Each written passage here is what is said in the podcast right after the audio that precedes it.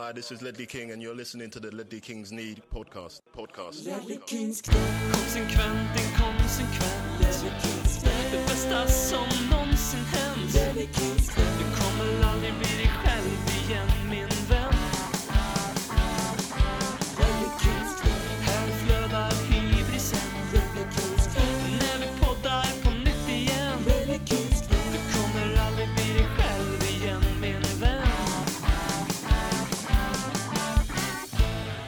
Du lyssnar på Ledley Kings knä, billigare än terapi, roligare än knark. Vi säger tack till eh, Rasmus Larsson som uppfunnit våra nya slogan.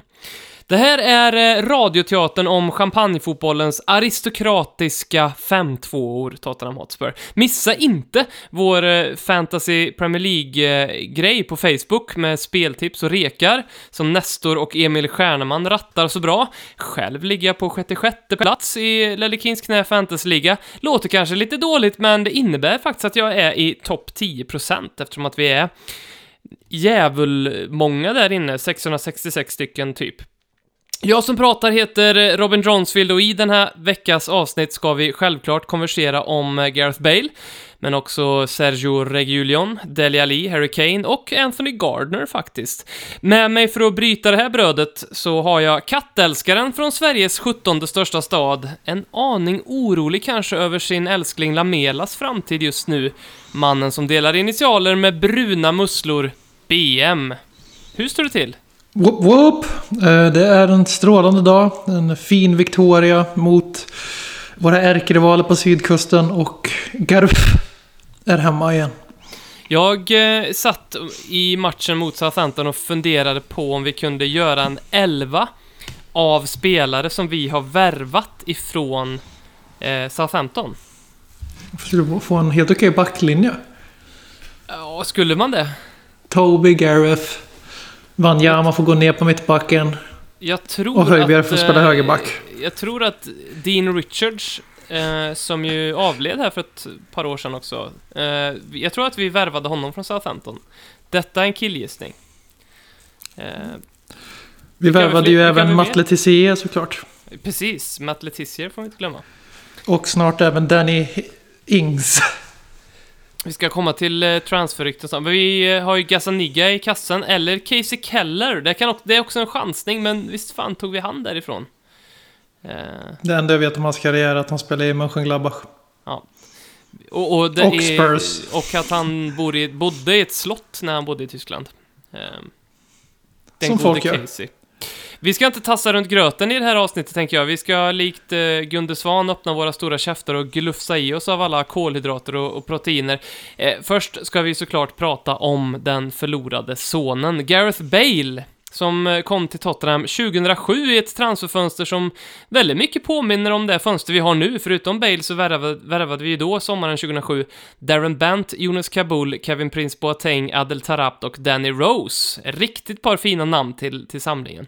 Eh, för att ge er en liten inblick i hur länge sedan det här faktiskt är så ska jag bara ge er en, en, en liten kik på laget från Bales debutmatch mot Manchester United 2007. Han spelade faktiskt vänsterytter då. Eh, I mål hade vi ju såklart Paul Robinson och på vänsterbacken klubbens ikoniska sydkorean eh, Lee Jung-Pyo eller Jong-Pyo Lee eller ja, eh, i vilken ordning man nu säger namnen eh, så, på spelare från Sydkorea. Jag har aldrig lärt mig, kommer aldrig göra. Eh, på högerback den matchen hade vi Pascal Chimbonda, eh, som ju likt Bale också gjorde comeback i Tottenham. Men det var inte till Southampton, höll jag på att säga, men det var Sunderland och sen kom han tillbaka till Tottenham. Eh, och det funkade inte alls. Det, det kanske förvånar ganska många när jag säger det här som jag kommer säga nu, men för Pascal Chimbonda var ju känd som en ganska knasig och flamboyant figur. Kanske ingen smart fotbollsspelare, eh, men han håller ju faktiskt just i detta nu på att utbilda sig till fotbollstränare. Eh, och på ett cypriotiskt hotells webbsida, eh, hotellet heter Afrodite Hills, så kan jag läsa här att eh, vid sidan av den karriären eh, som fotbollstränare som han håller på med, så deltar han i Masters Football Camp, som då är ett fotbollsträningspass på det här hotellet. Eh, eventet beskriver sig själv som pass ledda av några av fotbollsvärldens absolut största profiler. Eh, pass, passande för Chimbonda, tycker jag. Mittbacksparen är ju Ricardo Rocha och eh, Anthony Gardner. Hur dåligt skulle du säga att det mittbacksparet var? Ja du. Eh, kan säga så här att eh, vi har ju haft eh, bättre mittbackspar. Eh, jag försöker nu desperat komma på ett mittbackspar på rak arm som var sämre. Och jag landade i någon form av mittbackspar där Caleb Davenport, Davenport upp, uppgav halva. Men jag har faktiskt, måste erkänna med när det kommer till Davenport, eller Davenport att jag kommer inte ihåg om han faktiskt var jättedålig eller om det var för att man var så exalterad över värvningen av en ganska lovande ung brittisk spelare. Som sen inte levde upp till sin potential och därför så är man hårdare mot honom historiskt än vad han faktiskt var usel. Mm. Så jag får säga, jag får säga pass. Jag, men jag, någon, uh, the knee jerk i mig ville ropa Davenport. Mm. Anthony Gardner är den absolut sämsta fotbollsspelaren jag sett på White Hart Lane i alla fall. Så mycket kan jag säga. Han eh, sysslar ju med online-poker nu för tiden. Precis som eh, Teddy Sheringham väl gör. Eh, Ricardo Rocha eh, avslutade sin karriär lite suspekt också. Eh, var ju spelande sportchef i Portsmouth. Han är ju faktiskt en legend i den klubben. Var det i Rednap-eran eller? Eh, oklart. Jag skulle gissa att det var det, för det var Redknapp som värvade Rocha till eh, Tottenham, så att... Eh, eh, eller om han kom senare. Eh, Steve Malbronk på mittfältet, centralt Huddleston Ginas. Eh, svårt att tycka illa om det, så, och så Bale eh, på vänsterkanten. Och sen, eh, framtunga som vi var, så hade vi Berbatov och Keen längst fram. Eh, ganska fint lag ändå, inte, givetvis inte backlinjen, totalt inkompetent. Full fart framåt. Väldigt Tottenham bakåt. way. Väldigt Tottenham way. Eh, Bale hade det ju som bekant ganska tufft innan han slog igenom. På sina första 25 matcher så vann han inte. Då, då döptes han ju till... Eh, eller då pratar man ju om Bale-jinxen och då var det nära där att han försvann till Birmingham också för 3 miljoner pund. Men sen tog det fart och jag behöver absolut inte upplysa om sättet som han lyste upp White Hart Lane och vad han har gjort eh, sen dess. Eh, för nu är han ju tillbaka. Vi ska prata om vad det innebär för, för laget och vad vi kan förvänta oss, men först BM, hur reagerar du på detta? Eh, ni kanske har sett en eh, viss video som eh, gick varm på våra sociala medier här om veckan. Och det var väl också, det var, jag kommer inte ihåg, vi pratade om det i podden bara om det kanske var avsnittet före videon. Jag kommer inte ihåg. Men jag vill minnas att vi enades om att, nej, lägg ner. Fast då tror jag vi pratade mer om att liksom, kan vi sluta snacka om att Bale ska komma hem varje sommar. Det, det kommer liksom inte hända. Och vill vi verkligen ha tillbaka han är inte hans slut. Eh, Och det var väl min inställning ända tills det började bli på riktigt. Och jag vet inte, det här är väl en hönan eller ägget diskussion men våran allt annat än sexiga premiär mot Everton bara satte mig och många i Spurs-lägret i någon form av bottenlös misär som inte alls är vanligt efter bara en enskild match. Och jag kände att jag behövde tanken på Gareth Bale i Spurs. Och sen eh, när veckan gick och dagarna tickade och Twitter-kontona gick varma. Så började det kännas lite som att får vi inte Bale nu då kan vi lika bra lägga ner podden för då finns det fan ingenting att prata om längre i framtiden. Så att när det blev klart sen då eh, Då var det nice. Det var väl första gången sen jag fick en smart telefon som jag hade på notifications på något konto överhuvudtaget. Och det var Spurs official. Och jävlar vad man fick vänta. Ja. Jag satte på det redan dagen innan och sen tror jag de, då retweetade de Alex Moore, någon Alex Morgan-tweet från eh, Tottenham Hotspur Women-kontot. Eh, då gick jag i taket och trodde att nu händer det. Sen tycker jag att de gjorde det jävligt bra. De gick ut med Regulion först eh, och så skrev de ju, såg ut som en eh, bibelvers, eh, eh, sån här som man brukar se när man skriver ut siffror sådär. De skrev 16, eh, tre- tre- 16 3, 11, 9 i, i sin Twitter-profil. Tycker du inte att det är lite kompletterande för Daniel Levis värvnings... Eller eh, kompletterande för Daniel Levis eh, personlighet, den här värvningen? För att han sen målas ju och upplevs ju som en väldigt riskmedveten eh, typ. Och jag tittade på våra 38 värvningar till A-laget som vi gjorde efter det att vi sålde Bale. Som alla var till för att ersätta Bale som vi alla vet. Precis. All, varenda värvning där var ju till för att ersätta Bale. De 38 värvningarna så är det bara tre spelare som är 30 år eller mer när de anländer till klubben. Det är ju Michel Worm, Joe Hart och Fernando Llorente. Så det är ganska tydligt att våran värvningsfilosofi eh, och i övrigt är, kan jag säga, med de inräknade så är våra snittålder på värvningar när de kommer till Tottenham då, alltså 24 år. Så att vi värvar en eh, 31-åring som kostar lönemässigt väldigt mycket, eh, är ju lite intressant. Även om man ska kanske dra ner summorna i sammanhanget lite grann eftersom, visst han tjänar jävligt mycket men jämför man till exempel det totala värdet på den här affären med en Dombele så är det ju en piss i Mississippi. Eh, men jag tycker ändå liksom det är lite kul med Livis personlighet att han det är inte en sån värvning man förväntar sig att han ska göra, att han liksom ska bli lite så här sentimental, givetvis lite PR-inriktad här också, men att han slår till på det sättet han gör med Bale. Tycker jag är lite härligt. Eh, vi kan ju tänka bara när det kommer till kommersiella här. Eh, det, finns ju två anledningar till att Danny Levy gör här som man kan se utifrån. Eh, det är ju PR och det är kommersiellt. Eh, jag tror Gareth Bale har sådär tio gånger eller fyra gånger fler följare än oss, alltså Spurs på sociala medier. Jag har inte kommit ihåg om det var 40 miljoner kontra 4 eller om det var 40 kontra 10. Eh, då Bale har den stora siffran. Och det ska bli intressant att se om klubben skulle liksom publicera någon form av antalet matchtröjor som har sålts. Jag själv klickade ju hem en Gareth Bale nummer 9 på sisådär 3,5 minut.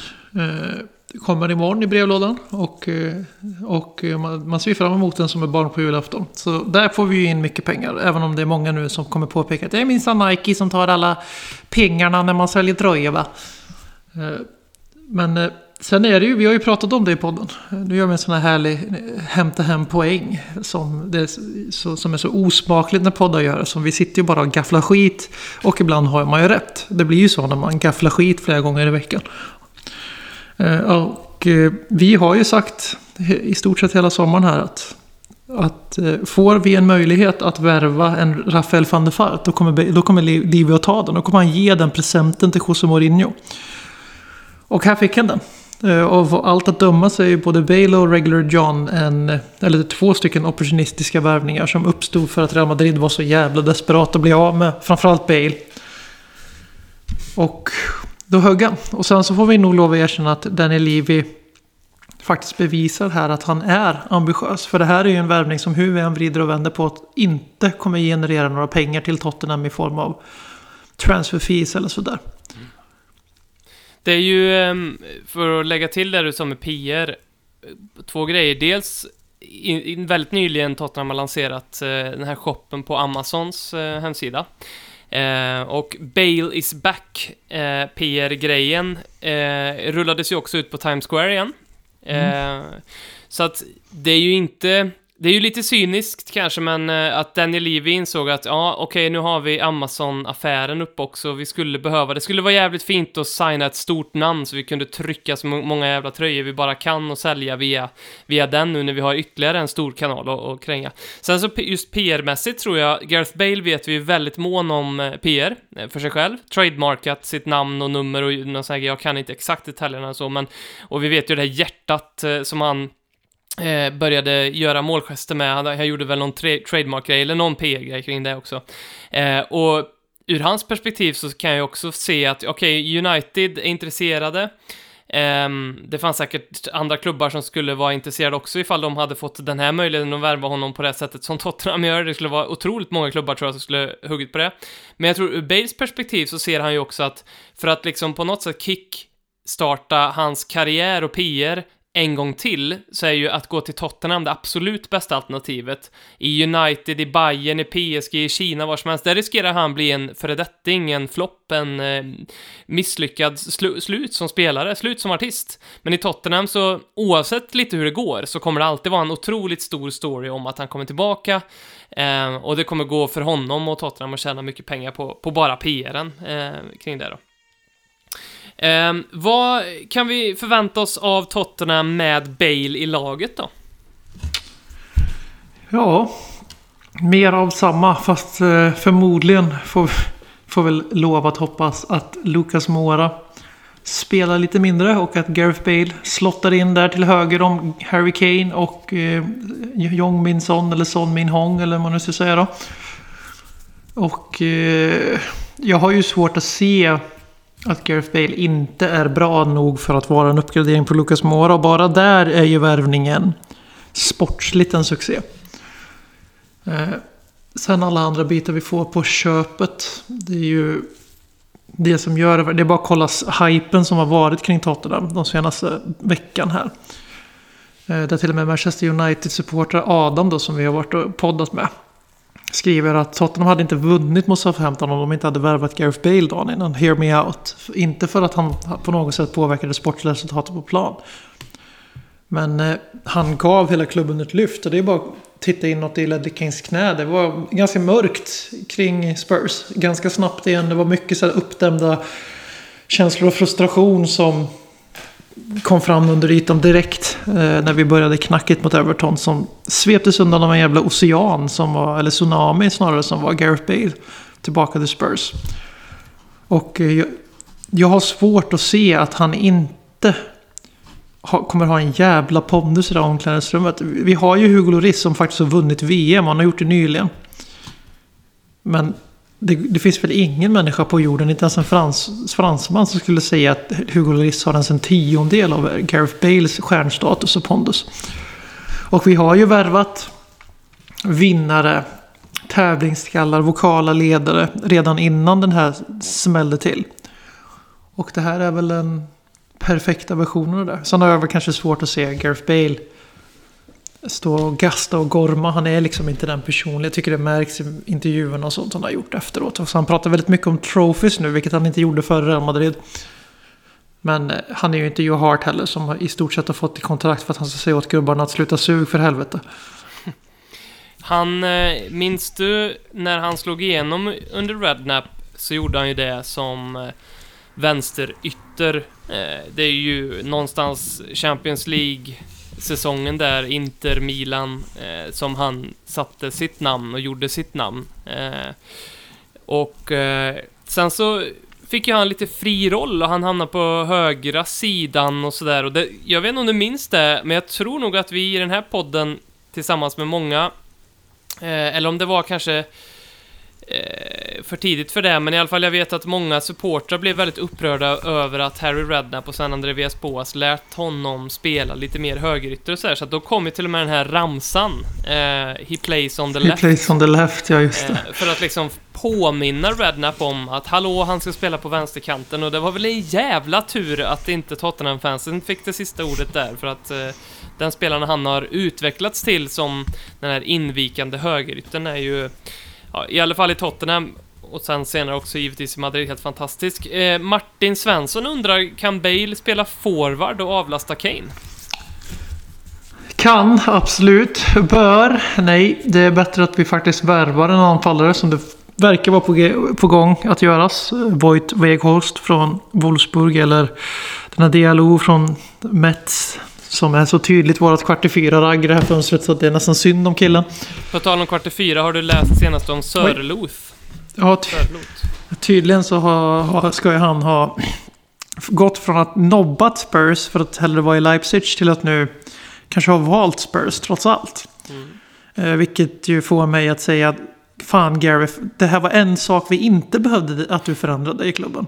Mm. Eh, vad ska vi med en haspin föredetting norr, norrman som är 24 barre och inte ens kan göra mål i Crystal Palace. Jag menar, titta Crystal Palace slår Manchester United utan Sörlås. Nej, jag vet inte. Eh, jag säger bara att eh, det vore bra för Viaplay-sändningarna i Norge.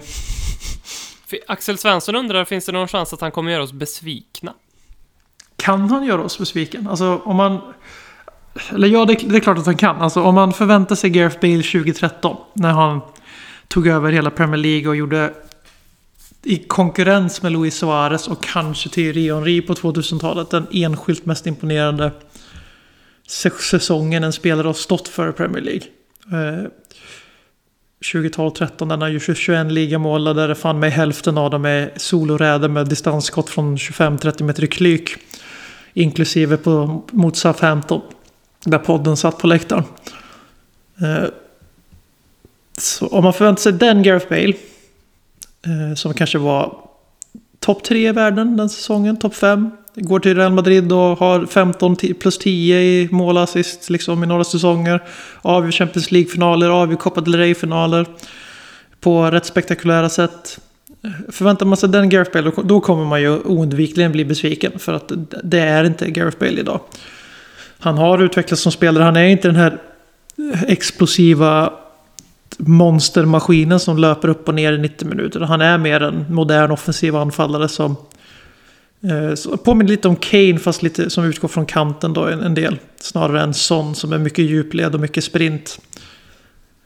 Eh, så det här är ju liksom det här som vi har pratat om att om man förväntar sig fel saker om en spelare då sätter man ju upp sig själv för att bli besviken. Men om man är med på att det här var en moralhöjare, det här var viktigt för klubben att visa att vi är... Det är ju sån här värvning som klubbar skriker efter när man tappar lite i näringskedjan.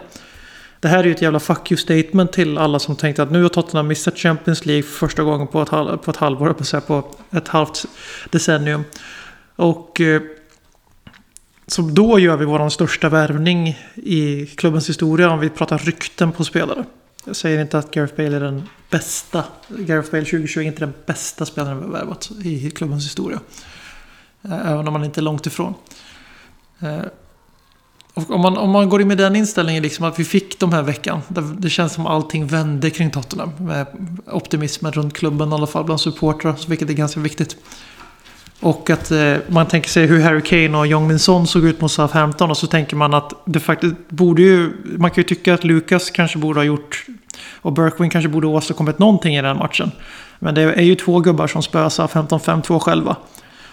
Hade Gareth Bates varit på plan också så hade det nog kunnat rinna iväg några mål till. Så att eh, jag har svårt att se att man kan bli besviken. Det är om man går in med fel förväntningar. Fint också med vår fjärde landslagskapten i Gareth Bale, eh, Harry Kane, Hengmin Son och Hugo Lloris också.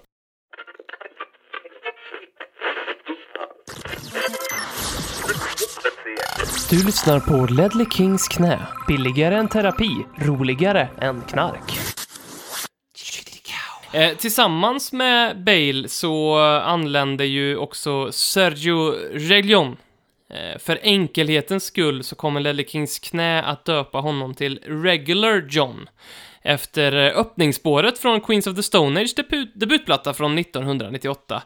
Eh, regular, regular John kom fram i Real Madrids ungdomsakademi eh, och 2010 så satt han och kollade på när eh, Gareth Bale pulveriserade Inter Milan i Champions League och där och då blev Bale Sergios stora idol. Och på planet till London som de båda delade här i fredags Eh, bara det är en stor vinst för Daniel Levy, så visade Sergio upp eh, alla hyllningstweets han har skrivit och skickat till Gareth Bale eh, under åren. Det finns ju också en bild när Sergio har eh, fanboyigt springit fram till Gareth Bale och tagit ett foto med honom. Eh, han har haft lite svårt, Regular John, att slå sig in i Real Madrid. Vissa påstår att det beror på Mendy och Marcelo, men källor till Ledikins knä påstår att det beror på att Sergio har snott eh, YouTuber-flickvännen Marta Diaz ifrån Zinedine Zidans son. Eh, han vann Europa League förra året med Sevilla och slog igenom ordentligt, för han blev faktiskt La Ligas bästa vänsterback. Det blev han framröstad till. Vad kan vi förvänta oss av honom då, BMO? Vad innebär det här för vårt spel? Eh, sportsligt tycker Gareth Bale bevisar motsatsen. Jag tror att han har mer fotboll i sig än vad, än vad folk tror om honom. Eh, förra säsongen var ju utfryst i Zidans Real Madrid, alltså Bale. Eh, men sportsligt så tror jag nog att vi landar i att den här 23-åriga spanska landslagsvänsterbacken kommer betyda mer. Eh, framförallt om han inte går tillbaka till Real Madrid. Vilket ju inte känns helt säkert med tanke på den här YouTube-saken och det faktum att han faktiskt ja, väljer att lämna igen. Eh, sen får vi se, det är nog svårt att tacka nej till Real Madrid. Han är väl också fostrad i Real Madrid som typ ungefär hälften av fotbollvärldens wonderkids är. Eh, men det här är ju en enskilt den största höjningen i kvalitet vi ser. I mm. det, här, det här fönstret. Det finns ingen värvning vi kan göra som är det minsta realistiskt. Det är väl om man räknar Weghorst mot hans konkurrent Ingen på topp. så man kan säga att Weghorst kommer att vara bättre än sin företrädare. Eh, ben Davis, inget ont om honom. Men det är en begränsad ytterback som absolut inte är för dålig för Tottenham som direkt narrativet blev. Sergio Reguilon, om man hittar rätt i England, är direkt topp 5 i ligan på vänsterbacken. Han är bättre än Ben Chilwell, överlägset. Eh, han är han är bättre än Danny Rose skulle på att säga. Det, det, är han ju också då såklart. Vilka bra vänsterbackar har vi i Premier League? Ja, det är ju den här i Liverpool då såklart då. Ja, och sen... ehm, ja, det är för, tidigt att säga någonting om Kastanje i Le- Leicester kanske. Kieran Tierney i Arsenal kanske. Ja. Eh, nej, så han kommer bli en toppklass i ligan. Och eh, vi har inte jättemånga positioner i vår trupp där vi har spelare som är toppklass i ligan. Det är väl i stort sett Son och eh, Kane och förhoppningsvis en Dombele och eller Lucelso. De har ju potentialen. Hugo Lloris är väl och nosar på topp 5 i Premier League men han är ju inte topp 3 längre. Eh, så det här är ju en otrolig boost för lagets slagkraft på en gång. Det som ska bli jävligt spännande att se är hur vi ska kunna köra Mourinhos älskade treback när vi har bollen och eh, eh, fyrback när vi försvarar. Eftersom att Sergio Reguilon är ju mer en Mac, Matt Dockan Doherty än vad han är. Ja, vi har ju aldrig haft, det känns som det var länge sedan. Kyle Norton kanske.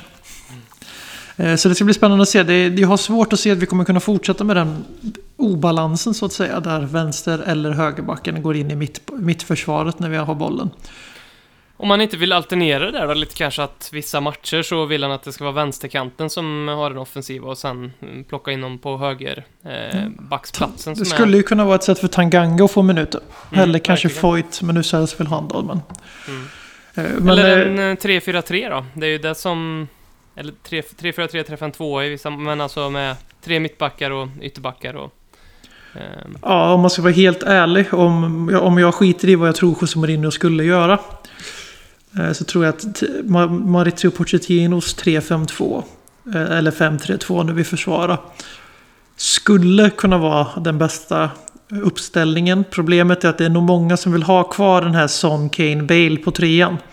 mm. offensivt och då blir det jävligt, jävligt eh, offensivt lutat. Om de tre, Reguilon, Doherty, Lo Celso och en Dombele ska spela. Det kommer funka hur bra som helst på Fifa. Man kommer pulverisera ligorna där och det skulle nog även kunna funka helt okej på Football Manager. Men i, i verkligheten så tror jag vi skulle bli lite porösa. Eh, hade vi haft samma förmåga att hålla bollen inom laget som under Ports, då är det självklart det vi ska köra på. Vi, jag är lite trött på att se oss möta varenda motstånd i Premier League som att de på något sätt är bättre än oss på att spela fotboll. Vilket jag skulle bedöma att sisådär 14 lag inte har en chans att vara om man kollar på truppstyrka. Eh, Men ändå så spelar vi som att vi är Burnley. Ofta. Så att jag, jag vill ju se något sånt men jag har svårt att se det där. Så därför tror jag mer på ditt alternativ med att man varierar lite. Eller åtminstone då att man kanske ger de här ytterbackarna. Men ni får lite fri lejd. Höjberg, du får gå ner, du får, du får ta defensiven, du får, du får spela tredje mittback eller vem det nu blir. Det verkar ju faktiskt som att det är Winks som Mourinho ser som skölden framför backlinjen och det gick ju sådär mot Southampton i första halvlek. Jag eh, har slagits av tanken att jag tror fan att en av de mest frustrerande saker med den här säsongen kommer vara att vi fans kommer skrika efter Bale Kane Son. Mm. Men att Mourinho kommer att liksom köra typ Lucas, Bale, Kane och sen alltså... Eller, Eller Son jävla grej. Kane, eller Son Kane Lucas. Så Ja, Aldrig alla tre typ. precis. Och så, så, nej, det, det, det tror jag vi kommer... Den här buyback-klåsen som finns, alltså köpoptionen som eh, Real Madrid har på Regular John här, eh, på 40 miljoner euro ryktas om, har blivit lite omstridd och så. Eh, jag ser ju den som ganska smart business ur Livis perspektiv. För vi vet ju att, vi, jag pratade ju förut här om att Livi, Bale-värvningen är väldigt så här utanför Livis normala träffyta kanske. Men någonting vi vet att Livi vill ha som en eh, check i en värvning som han gör, det är ju återköpsvärde. och med Regular John så, så får han ju ett väldigt konkret sådant och han vet ju att han kommer att kräm, kunna kräma ut minst 40 miljoner för honom från Real Madrid, men det kommer ju vara väldigt enkelt att säga till andra klubbar för den delen också att hörni, vi har en utköpsklausul på det här så ni får nog buda lite mer ifall ni vill plocka honom. Um, nu kanske det är så att det värdet kommer stiga lite mer. Jag vet inte, vad har du funderat på den här köpoptionen, om den, vad den kan innebära? Det känns väl också som att Regular John också kanske, kanske lite hellre hade velat stanna i Real Madrid också. Det tror jag nog att han hade föredragit men eh, om man ska vara ärlig mot Zidane här nu så är det ganska många spelare som hamnar i hans frysbox och inte har en jävla chans att ta sig ut därifrån. Eh, så han gjorde nog det klokaste för sin karriär. Eh, de värvar ju den här Ferland Mendy väldigt dyrt inför förra säsongen. Eh, som Marcelos de facto arvtagare medan Regular John spelar i Sevilla. Marcelo är ju någon form av klubbikon också i Real Madrid. Så att det är väl bättre att han får vara rotationsalternativ än Reguilon tydligen. Men eh, det, det, här är ju i stort sett ett glorifierat lån vi gör. Där vi går 10-15 miljoner euro plus på lånet. Och ja, man kan vara pretentiös och eh, pretentious och eh, som United-supportrarna slicka såren och låtsas att en klubb av den här statyn eller statusen skulle absolut inte gå med på något sånt där. Ja, eller så kan man bara acceptera att regular, regular John hade blivit såld inom två, tre säsonger ändå från Tottenham. För jag tror inte han ser sitt liksom liv i London. Han är ju trots allt fostrad i Real Madrid och är från Spanien. Och, så jag tror att han hade alltid velat komma tillbaka ändå oavsett. Och eh, det är, så här, det är så falsk bravado och stolthet att säga nej till något sånt här. Då hade man ju lika bra kunnat säga nej, vad fan lånar vi in Bay för? Om vi inte köper loss honom så ska vi inte ha honom. Eh, och sen får man ju också ha i åtanke att det för fan varit en coronapandemi, eller är en coronapandemi som har som hade många att tro att Tottenham var färdiga på marknaden efter Doherty, Hart och eh, Höjbjerg. Kanske en anfallare till. Jag menar alternativen som listades upp fram till Bale och Regular John, det var ju ingenting man gick igång på. Så fan, ta det för vad det är. Det är kortsiktigt, det är kanske inte det man vill ha man planerar sig FM som igen då FN, alltså fem år i framtiden hela tiden. José Mourinho kommer inte vara här om fem år.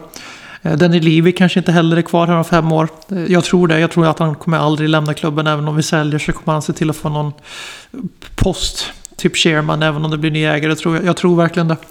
Han är ju också, lite sidospår här, men han blev ju otroligt hyllad av Calderon som har varit president i Real Madrid. Och ibland får man ju faktiskt som supporter sätta sig ner och hålla truten och be om ursäkt för att när sådana namn i fotbollen som absolut inte haft några lätta förhandlingar med Tottenham jämför med Aulas Leon som typ jag tror fortfarande bränner liksom bilder av Levi i sitt kontor på dagarna nu när Leon håller på att raseras. Så har det liksom Real Madrids talespersoner som hyllar honom för hur mycket han bryr sig om sin klubb och hur väl han sköter den klubben. Och rent objektivt på sidan av planen så har ju Tottenham blivit till sådär 45 storlekar större. Sen vi, i nästan sen vi började podda fan med. Men i alla fall sen de in kom in. Och efter det här transferfönstret plussat med förra sommarens transferfönster. Alltså man får, leta, man får anstränga sig för att tycka att den här återköpsklausulen med garanterad vinst. Eh, vi vet inte, corona kanske är kvar om två år. Liksom, då, då är det tacksamt att få de 15 miljonerna extra.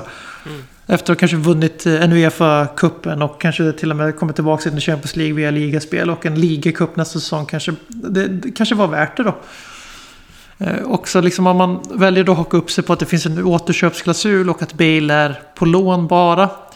När man kan rabbla upp namn som Sessignon, Ndombele, Lo Celso, eh, Höjbjerg, Doherty, Gareth fucking Bale, Regular John och så de här anfallaren som verkar mer eller mindre ett faktum ska komma in. Eh, det är dags att ändra narrativet om Danny Levy. Han är ambitiös och han har fan aldrig satsat så här hårt som han gör just nu. Och vi kan inte hata honom när han är för långsiktig och feg på fönstret och sen börja hacka när han är kortsiktig och, nästan, och dumdristig nästan då. Det var ju det här vi tog upp förra veckan. Det får väl vara den här veckans input till eh, narrativ, eh, ja, vad ska jag säga, Narrativneddykningen. för att eh, man har ju följt den här transfersommaren, så fort något lag har gjort någon form av värvning så har narrativet kommit typ att ja, Daniel Levy säger att man inte kan värva nu, men kolla vad de gör. Mm. Eh, alltså allting som händer har på något sätt, som har med värvningar och andra klubbar att göra, har på något sätt liksom bara plockats upp och gjort om till ett anti-Levi-narrativ, och precis samma sak händer här då. Så liksom var varse om det där, för att ibland så blir det att man inte själv söker och får reda på sanningen, utan man, man, ha, man fastnar i någon av narrativen och så blir man en, man blir en narr. Det är fan det man blir. Man, ja. man bara sitter och spottar ur sig samma narrativ hela tiden.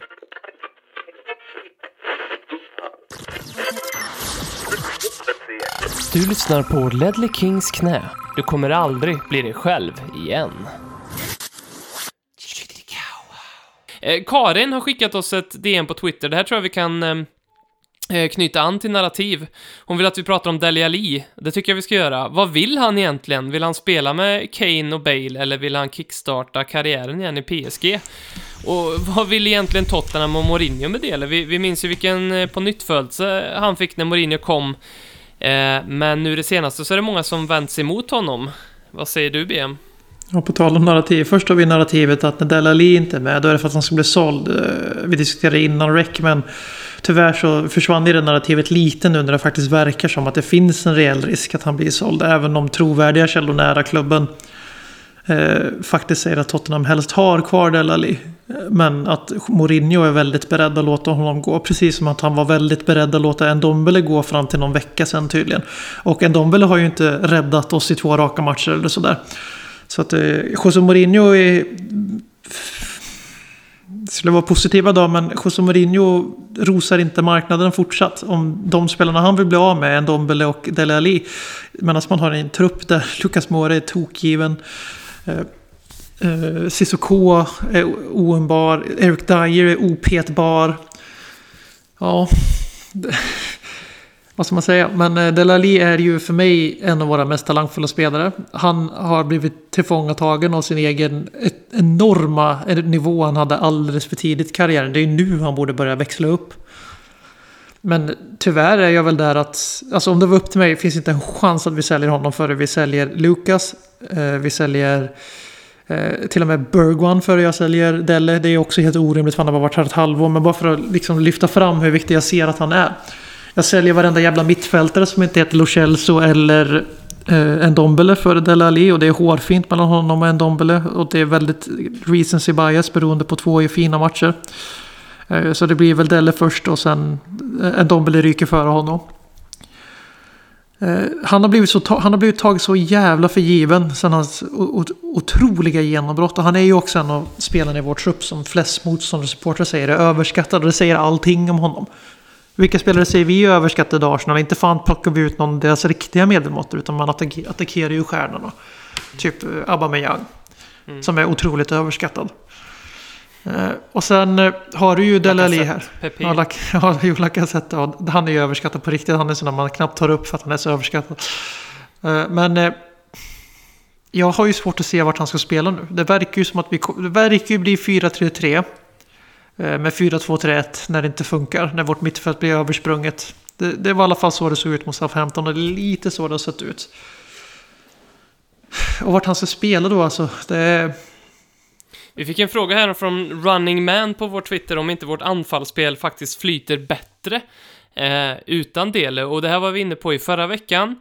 Eh, och det här vill jag att vi ska gå in på den här veckan också, därför att av någon konstig anledning så har så många Tottenham-fans och andra fans fått uppfattningen om att Dele Alli är typ Christian Eriksen, eller en kreatör som ska ligga långt ner i banan och fördela bollar. Och det är väl för att han inte är en supertydlig ytter, att han inte har den typen av speed som en sån har kanske. Och det är också på grund av att han inte heller är en supertydlig anfallsspelare. Eh, och han är inte en jättetydlig falsk nia, även om jag tycker att han passar väldigt bra, bra där. Eh, och då, då blir det på något sätt som att man skri- tillskriver honom, ja men det är han som är kreatören, men det är han ju absolut inte. Det här är ju en spelare som är han är ju lite unik på det sättet, för det finns ju inte jättemånga av hans spelartyp i modern fotboll faktiskt. Och fr framförallt om liksom trender i, i fotboll.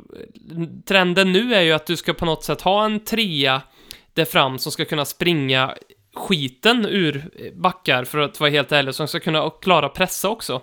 Eh, och Dele hur, hur bra han ännu är kanske på att löpa djupled och framförallt hans, som jag ser den, den absolut största styrkan han har, det är ju löpningarna in i boxen. Och Absolut. att, och att ta sig in på rätt stä- ställe eh, och göra mål. Eh, eller för den delen assist. Det är ju det han är som allra bäst på. Ehm, och det blir väl en liten missmatch när då Mourinho så liksom för att gå emot en modern trend, den moderna trenden då är att man kanske vill flytta upp backlinjen lite, även om kanske Liverpool gör tvärtom, men Mourinho vill ta hem backlinjen lite och, och då blir ju delen lite grann han blir ju, det blir lite så att man liksom försöker dra honom någonstans mellan anfallet och mittfältet och inte riktigt förstår vart han ska vara för att våran anfallsfotboll går inte ut på särskilt mycket mer än att eh, slå en långboll på någon som ska löpa skiten ur en back och, och det är inte Deles styrka. Um, och det är det som jag antar, det är det som jag tycker är, jag själv är så tråkigt i det här för att jag ser ju enorm potential i honom, jag gillar honom väldigt mycket. Uh, han, med rätt coachning och i rätt spelstil kan ju han vara en riktig nyckelspelare. Men om vi då ska sälja honom nu för att vi har en manager som spelar en annan typ av fotboll och som vi dessutom vet inte kommer vara här särskilt länge och så kommer vi få se honom växa upp. Att det tycker jag är jobbigare än att tänka samma sak om Tanguy Ndombele, eh, som många Ja, tycker. absolut. Att det, liksom. Ndombele har mycket kvar att bevisa för. Alltså jag sa förut att det, för, och det är ju för att vi behöver en kreatör och det är ju för att Delali är inte, han är felkastad som våran kreatör. Alltså truppens mest kreativa spelare sen Christian Eriksson lämnade, Erik Lamela överlägsen etta och han är tyvärr inte särskilt bra på att få det utfört men han är kreativ så det står härliga till. För kreativ för sitt eget bästa. Eh, och sen är det Lucelso och Ndombele. Det är liksom överlägset de mest kreativa spelarna vi har. Kanske Harry Kane. Alltså, eh, och det är ett underbetyg för våran trupp. För Ndombele har inte visat särskilt mycket. Han har varit, gjort två matchavgörande insatser. Han räddade ju 1-1 målet där mot SA-15. Det är hans mål. Och sen avgör han mot Plovdiv. Eh, Och det är ju typ det bästa vi har sett av honom förutom första månaden under Pochettino. Eh, och Lo Celso är ju Lamela som vi alla hoppades Lamela skulle bli fast lite lägre ner i banan. Han gör lite av allting och han är lite bättre, han är lite mer resolut och lite snabbare i tänket. Eh, och Delali är... Jag förstår varför man så tvunget vill trycka in honom i den formen som kreatör för att vi skriker efter honom som det. Men han har aldrig varit och ser inte ut att någonsin kunna bli utan han är ju Frank Lampard i modern tappning. Frank Lampard var ingen Pirlo som vi pratade om förra veckan. Eh, och att vaska en sån ofatt, ofantlig talang för eh, José Mourinho, det känns, det känns bara fel. Och eh, tyvärr tror jag att det finns ganska mycket ben i det här för det är ett EM som ska spelas nästa sommar och Delali tillhör inte Englands landslagstrupp trots att han presterar bättre i siffror än till exempel James Madison förra säsongen. Trots att han fick så mycket skit i, Liverpool, eller i Spurs så gjorde han faktiskt det. Men jag skulle förstå honom. Det verkar ju som att det har skurit sig. Eh, det finns ingen tydlig roll för honom. Det, tror ju, det fattar ju han själv att det inte finns. Och det är ett EM runt hörnet och han vill nog spela och, och få spela med Mbappé och Neymar i PSG där han kommer få, kunna få en skräddarsydd falsk nia slash sudo 10 som springer på vad de två skapar åt honom. I en liga där PSG gör vad de vill i 36 av 38 matcher typ. Om de ens spelar 38 matcher, jag vet inte.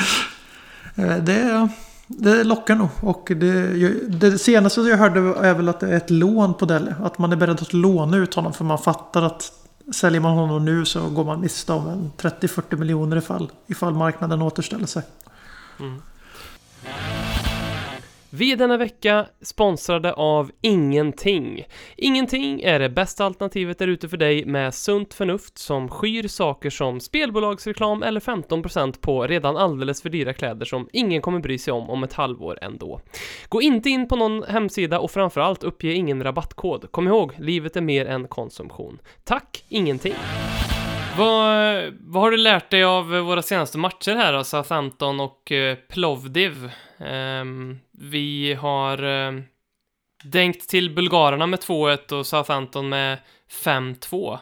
Eh, det fantastiska kontot Erik Lamelas armbåge undrar om vinsten mot Southampton verkligen var så övertygande. Vad, vad säger du? Vad har vi lärt oss?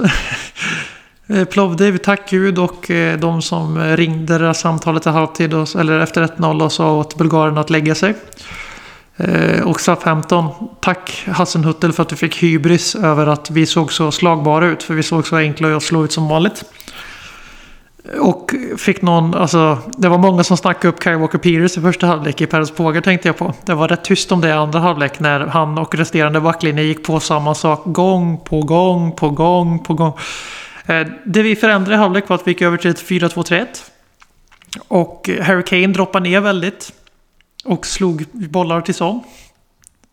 En gång, två gånger, tre gånger, fyra gånger. Och det var ett par gånger till där vi borde gjort mål. Ett av dem gör ju Kane själv mål på. Efter Lamelas helt medvetna assist. Via stolpen.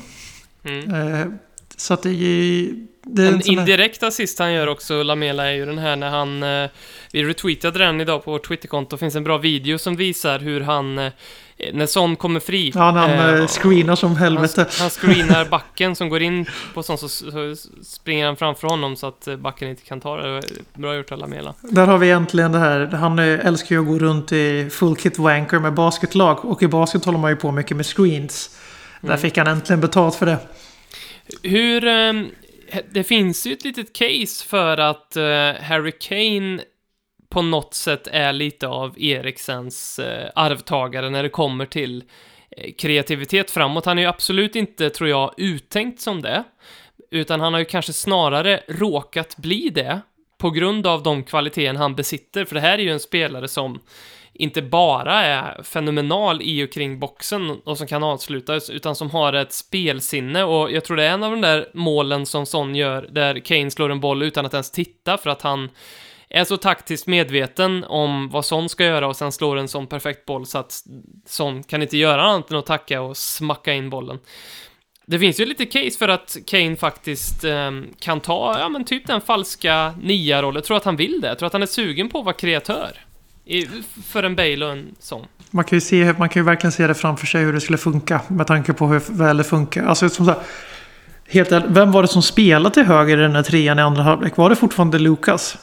Det, eh, bra fråga. Bergvin ersätter väl Lukas va? Eh, Ja, vi- men han- så- ja, man kommer ju inte ens ihåg det, det- men- Det, det säger väl det mesta liksom att man kommer inte ens ihåg vem som spelar förutom de två och Lamela faktiskt. Eh, eh, som i och för sig kommer in när det var öppna spel bakåt. Men, eh, så det säger väl det mesta. Gareth Bale kommer ju aldrig vara så osynlig. Och man kan ju verkligen se hur det skulle kunna vara ett framgångsrecept. Men jag är nog inne på ditt spår där att Harry Kane må vara laglojal som få. Eh, Killen gör alltså ett mål och fyra assist i en match och det är, ja, det är inte löpsedlar i hela världen. Det säger ganska mycket om hur, hur bra han är. Och alla andra så här motstånd, framförallt supportrar som försöker få det till att Aubameyang är i närheten av Harry Kane. De ska bara titta på den här matchen och så ska de hålla käften resten av sitt liv när det kommer till den här frågan. Aubameyang är liksom sån. Mm. Och det är inget fel med det, det är världsklass. Eh, jag skulle vilja se Son göra samma match som Harry Kane gjorde mot Southampton. Liksom där han byter direktiv och roll från halvlek till halvlek och vinner matchen helt jävla själv. Eh, och jag står fast vid att även om Son gör fyra mål så är det ingen snack om att Harry Kane var bäst på plan. Och man kan se det framför sig hur han ska göra samma sak när han har både Bale och Son att spela på. Men jag tror att han är för målkåt för att acceptera den rollen. Och, Det är ju en eh, sån sak som skulle kunna få honom att flytta på sig, att han känner att hans roll har förändrats. Att, Mm. att vi vill spela med en, med en Son och Bale. Sen så tror jag att det skulle vara fruktansvärt bra. För att om det är någonting som Bale och Son kommer att behöva så är det ju någon som spelar fram dem. Eh, och att ha Kane då som kan komma på en form av andra våg, det är ju... Det är lite Ja. drömmigt, Och, fra, och framförallt så är det ju ett bra, bra jävla verktyg att kunna ta ur verktygslådan när vi kör fast. För vi gör ju det ganska ofta. Och eh. Mm eh, på tal om narrativ igen. Det var många som pokade lite fan här på Mourinhos kritiker här att det var Mourinhos fel att vi var så dåliga i första halvlek. Men det var spelarnas förtjänst att vi var så bra i andra. Och det enda jag har att svara på det, det är ju ja. Alltså. Det var ju inte en coachseger utan det är ju Harry Kane och Jong Min Son som vinner mot Southampton. Eh, också en hel dos, en väldigt stor dos av total jävla van vanmäkt och hybris från Southampton och deras otroliga eh, sektliknande lojalitet till den här höga backlinjen trots att man liksom... Alltså det är Hassenhüttel spelade ju FM i den här matchen och så hade han... kommer, kommer du ihåg AVB när det var liksom slut för honom när vi blev upprullade sådär på, rulla, Mm. på löpande band? Det, det var samma sak. Man fattade, alltså de slog bollen bakom backlinjen gång på gång på gång och vi anpassade oss aldrig. Och man bara... Nu vet vi, nu fick vi äntligen vara det andra laget som utnyttjade den så liksom P14, F14 taktiken. Ja, de går högt med backlinjen men vi är snabbare än dem. Slå bollen bakom backlinjen ut på kanten. Hassenhüttel spelade ju FM i den här matchen och så hade han ställt in backlinjen på extremt högt och sen så typ i 88 minuten så gick han in och kollade sina inställningar. Jävlar har han glömt att liksom dra ner den.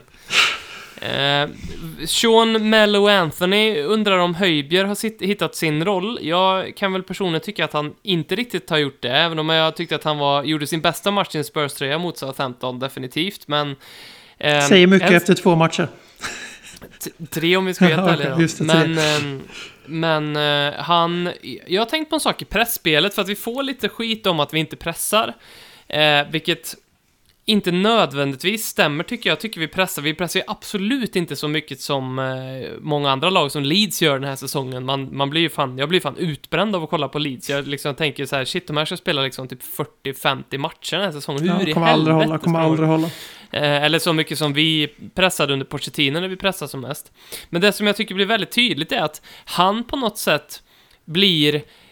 Det blir tydligt när man ser honom pressa för att han... Lagets pressspel hänger inte ihop. Jag menar den här Svennis-grejen med press med understöd. Um, vi pressar lite så här äh, sporadiskt på vissa ställen och positioner och sen så, och det är i sig ganska bra. Ibland så leder det till till och med att vi liksom vinner ett inkast eller vinner bollen i den bästa världen, men i, i många fall så, så kan de spela sig ganska lätt ur pressen. Och här tycker jag Höjbjer är en sån som ehm, det är väldigt tydligt att han inte riktigt har förstått den här skydda skölden, eller vara skölden framför backlinjen-grejen. Och det syns väldigt tydligt i, i pressspelet då, tycker jag. Ja, det märks att han spelade i Southampton förra säsongen och de kör ju väldigt aggressiv press. Mm. eh, Med sin höga backlinje. Man behöver ju pressa jävligt högt och effektivt för att man ska kunna ha en hög backlinje. För att annars Mm. står ju spelare som Harry Kane och Motta från mittcirkeln och så gör han fyra assist. Mm. Och eh, vi gör ju inte riktigt så. Vi kör ju mer period, vi periodiserar med våran press. Och det som du säger, det, det sitter inte riktigt. Det här får man nog lov att tro att det kanske har att göra med att José Mourinho håller på att skruva ganska mycket i det taktiska. För att han har väl, han har väl hört vilka spelare som är på väg in. Och vill väl att grunden ska vara lagd redan. Eh, när framförallt Regular, Regular, John, Regular John och Bale ska in i elvan. Eh, men det är mycket, det är mycket eh, kycklingspring där. Och många som löper själva och de är inte synkroniserade. Och det ser sådär ut det inte funkar. Eh, men Höjberg är ju en som inte har fått memot. Utan han, han kubbar ju runt och pressar som att det vore Pochettino Spurs. När vi var som bäst. Det får man igenom. Men när det gäller den här sköldrollen så tror jag att han förstår mycket väl vad den innefattar. Men det, är ju, det har ju varit så hittills att det är Harry Winks som ska ha den. Och det är ju ännu ett bevis för att José Mourinho har bestämt att vissa ska göra vissa saker, punkt. Evidence be damned. Har du någon förslag, Anton Rosengren, skicka den här frågan om vi har någon bra idé på hur vi bättre kan balansera vårt mittfält. Jag ska bara skicka med att Anton också har Eh, hittat eh, ett sätt att, eh, ja, man ska säga lite övernaturligt och lite konspiratoriskt hjälpa Tottenham att vinna matcher. Ehm, han skrev till oss här efter Everton-förlusten, tror jag det var, att han nu hade kastat in alla sina Tottenham-tröjor i tvätten och tvättat alla. Eh, och rekommenderas alla att göra det. Eh, så att de var fräscha och nya och sen dess är vi obesegrade, så att det kan ju vara någonting att testa. Eh, men har du något eh, tips på hur vi kan balansera mittfältet bättre?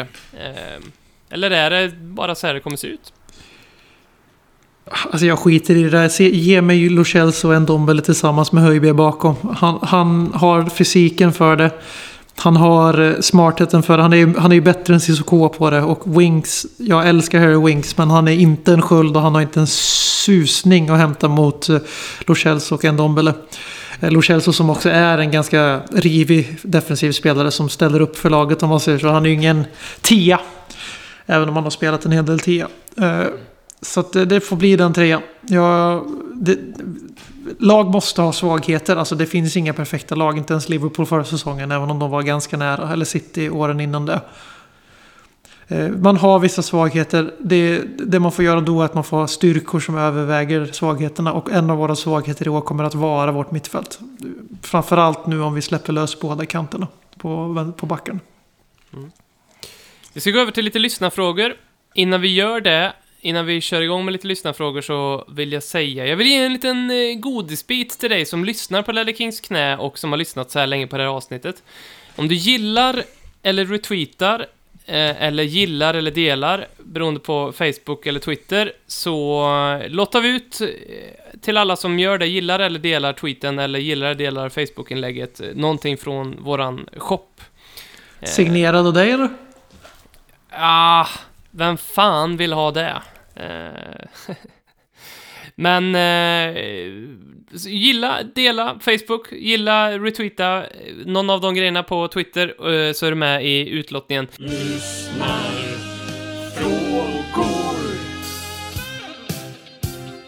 Eh, Viktor Zetterström undrar om Troy Parrott i Millwall, varför är han inte ens bänk? Eh, Skadad. Precis, men han kommer antagligen spela mot eh, Burnley i Carabao Cup. Eh, får vi se hur det går för oss i Carabao Cup då. Leighton Orient eh, har ju haft fyra spelare som har testat positivt för covid-19. Eh, och här har vi det.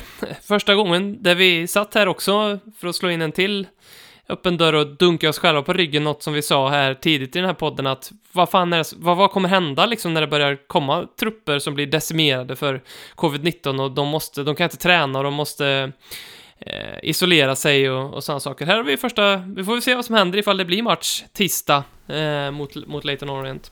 Ja, tänk när det blir match. De har tre till som är sjuka. Vi får det i, i truppen. Vi åker ut i Europa League. Vi förlorar fyra raka League. Alltså, sportslig integritet, gå dö.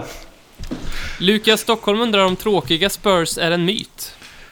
Nej, inte just nu. Nej, och verkligen inte om man tittar historiskt så är ju alltså det är i vårt DNA och det har alltid varit i vårt DNA. Om man tittar på vilka profiler vi har i klubben så är det ju på ett sätt i alla klubbar att de största profilerna någonstans är anfallsspelare och som kanske gör spektakulära saker. Men särskilt i Tottenham så Glenn Hoddle och Paul Gascoigne och David Ginola och Gareth Bale. Och Harry Kane i, i nutid. Um, Danny Blanchflower i dåtid. Um, det finns hur många som helst. Ardiles, jag menar argentinarna, Revi- Det var sådana här spelare som...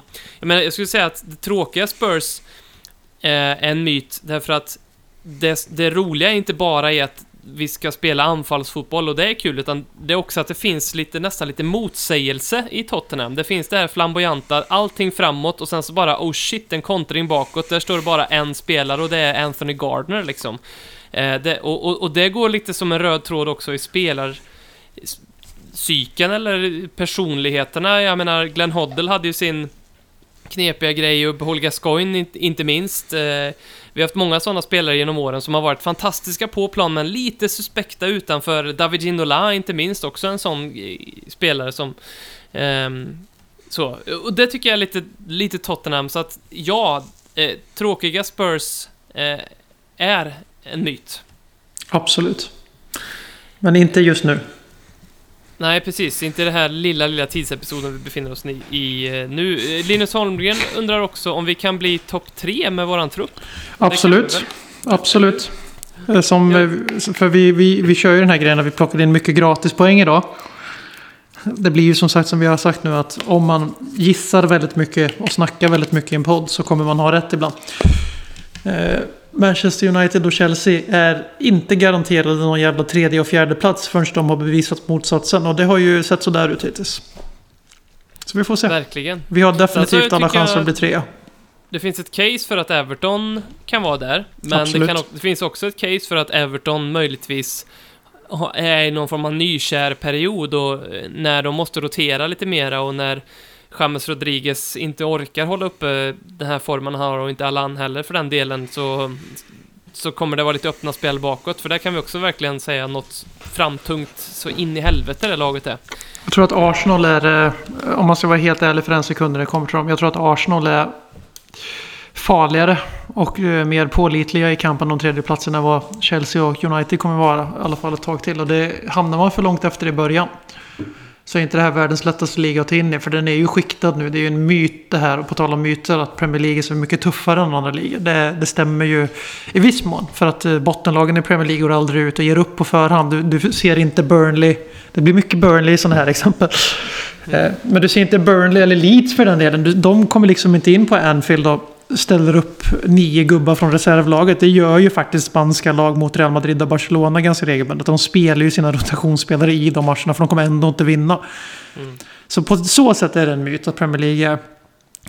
Eller att, är det inte en myt att Premier League är så mycket bättre än alla ligor. Men kollar man på tabellen de senaste åren så är det liksom vattentäta skott mellan de olika skikten i ligan. Och på senaste tre säsongerna har det ju faktiskt varit så att ettan, tvåan och lite grann vid en kort, kort stund var ju också mil före våra konkurrenter.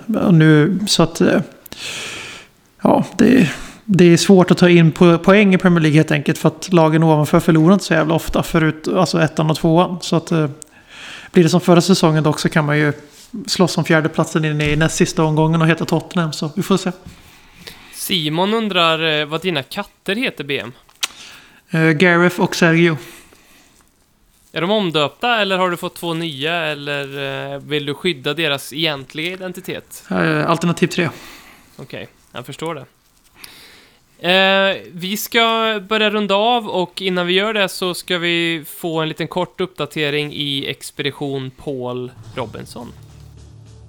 Heng Min Son, 28 år från Chuncheon. Personlig sak. Ett fint intyg signerat av Sydkoreas president om att han är den mest exemplariske sydkorean som skådats. Motto. Sex. Det är som att lösa korsord. Det kan vänta till efter karriären. Harry Kane, 27 år från Walthamstow. Personlig sak. En signerad Arsenal-tröja från Invincible-säsongen. Så att han ska påminna sig själv om att fortsätta ta rätt val i livet och aldrig hamna på botten igen. Motto. It is what it is.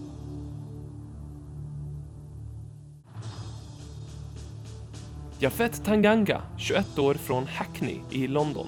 Personlig sak, en matlåda lagad av hans mamma. Motto, framgång, det är att bli kritiserad av Danny Rose. Giovanni Lo Celso, 24 år, från Rosario. Personlig sak, siffrorna 2 och 5 i uppblåsbara ballonger så att han kan fira sin 25-årsdag i stil. Motto, ett lån, det är en bra start på någonting permanent. Eh, det här är de spelarna som är kvar i eh, andra eh, chansen just nu, som ni kan rösta fram till final. Eh, Harry är där. Jafet Tanganga är där. Han lever än. Giovan, Giovanni Lo Celso är där och Heng Min Son är där. Och nu, tisdag den eh, 22 september så rullar vi ut de här omröstningarna. Du röstar på den du vill se i final tillsammans med Erik Lamela eh, och Deli Ali. Eh, så eh, i nästa veckas avsnitt så kommer vi i så fall, då kommer vi börja prata om final istället. Ehm, vad har varit din behållning med det här Expedition Paul Robinson-experimentet vi har kört? Att eh, försöka dölja eh, det supertydliga att Erik Lamela skulle gå till final. Om inte typ Marcus Håkman bestämde sig för att visa sina sanna färger. För att han tycker ju egentligen inte om Erik Lamela. Eh, så att alla vet det. Och eh, att sen vill jag även nå Dele Ali i final, så jag är ganska nöjd. Men sen har det också varit ganska roligt att bara vänta på att rycka plåster på de här tråkiga favoriterna. Nu vet jag att folk säger att vi är tråkiga som vill ha Lamela i final. Men folk, folk inser väl här att Lamela är ganska o, illa omtyckt av Tottenham-supportrar globalt. Och får väldigt mycket oförtjänt skit. Och vi försöker liksom balansera upp det lite med blind sekterism. Medan eh, ganska tråkiga och beiga killar som Harry Kane och Jong Min Son och sådana. De ska ju inte vinna en sån här tävling.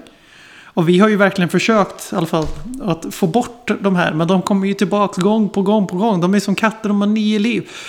Och eh, sen så ville man ju inte heller att en homegrown kille skulle vinna. För att det hade varit också lite för kredit. Så jag är rätt nöjd. Det där var som att Liverpool-podden gjorde samma grej och Jordan Henderson vann. Ja, gud vad genomskinligt. Åh, gud vad tydligt. skulle göra. Han skulle ju vinna även om han spelar ett annat lag. För att eh, han förtjänar det. För att han är lagkaptenen i Liverpool. Och då är han bäst på plan. Fast han är liksom knappt ordinarie i elvan om man är objektiv. Bra, då startar omröstningen. Vem vill du se i final? Ehm, och eh, gilla, dela, gilla, retweeta. Eh, det här säger jag bara i podden nu, så jag kommer inte göra någon reklam om det på social media. Så att fördel för dig som eh, lyssnar eh, att vinna någonting eh, i vår shop. Och vill man ha det signerat av Robin så löser han det. Han försökte vara lite så fast ödmjuk förut. Men vi vet att det finns många Robins lärjungar där ute.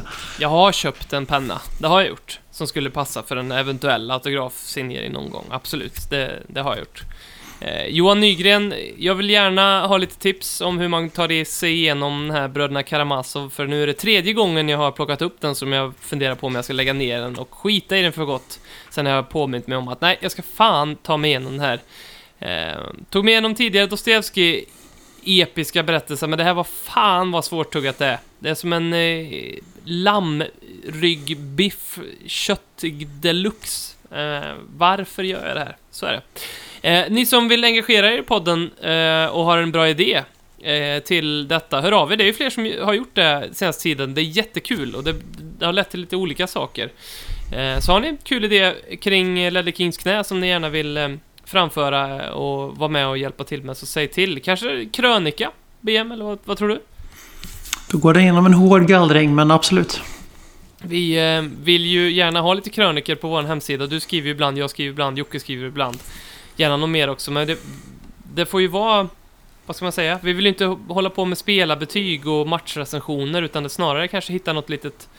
Eh, någon, någon liten egen vinkel och något perspektiv på saker och ting. Det vore kul. Absolut.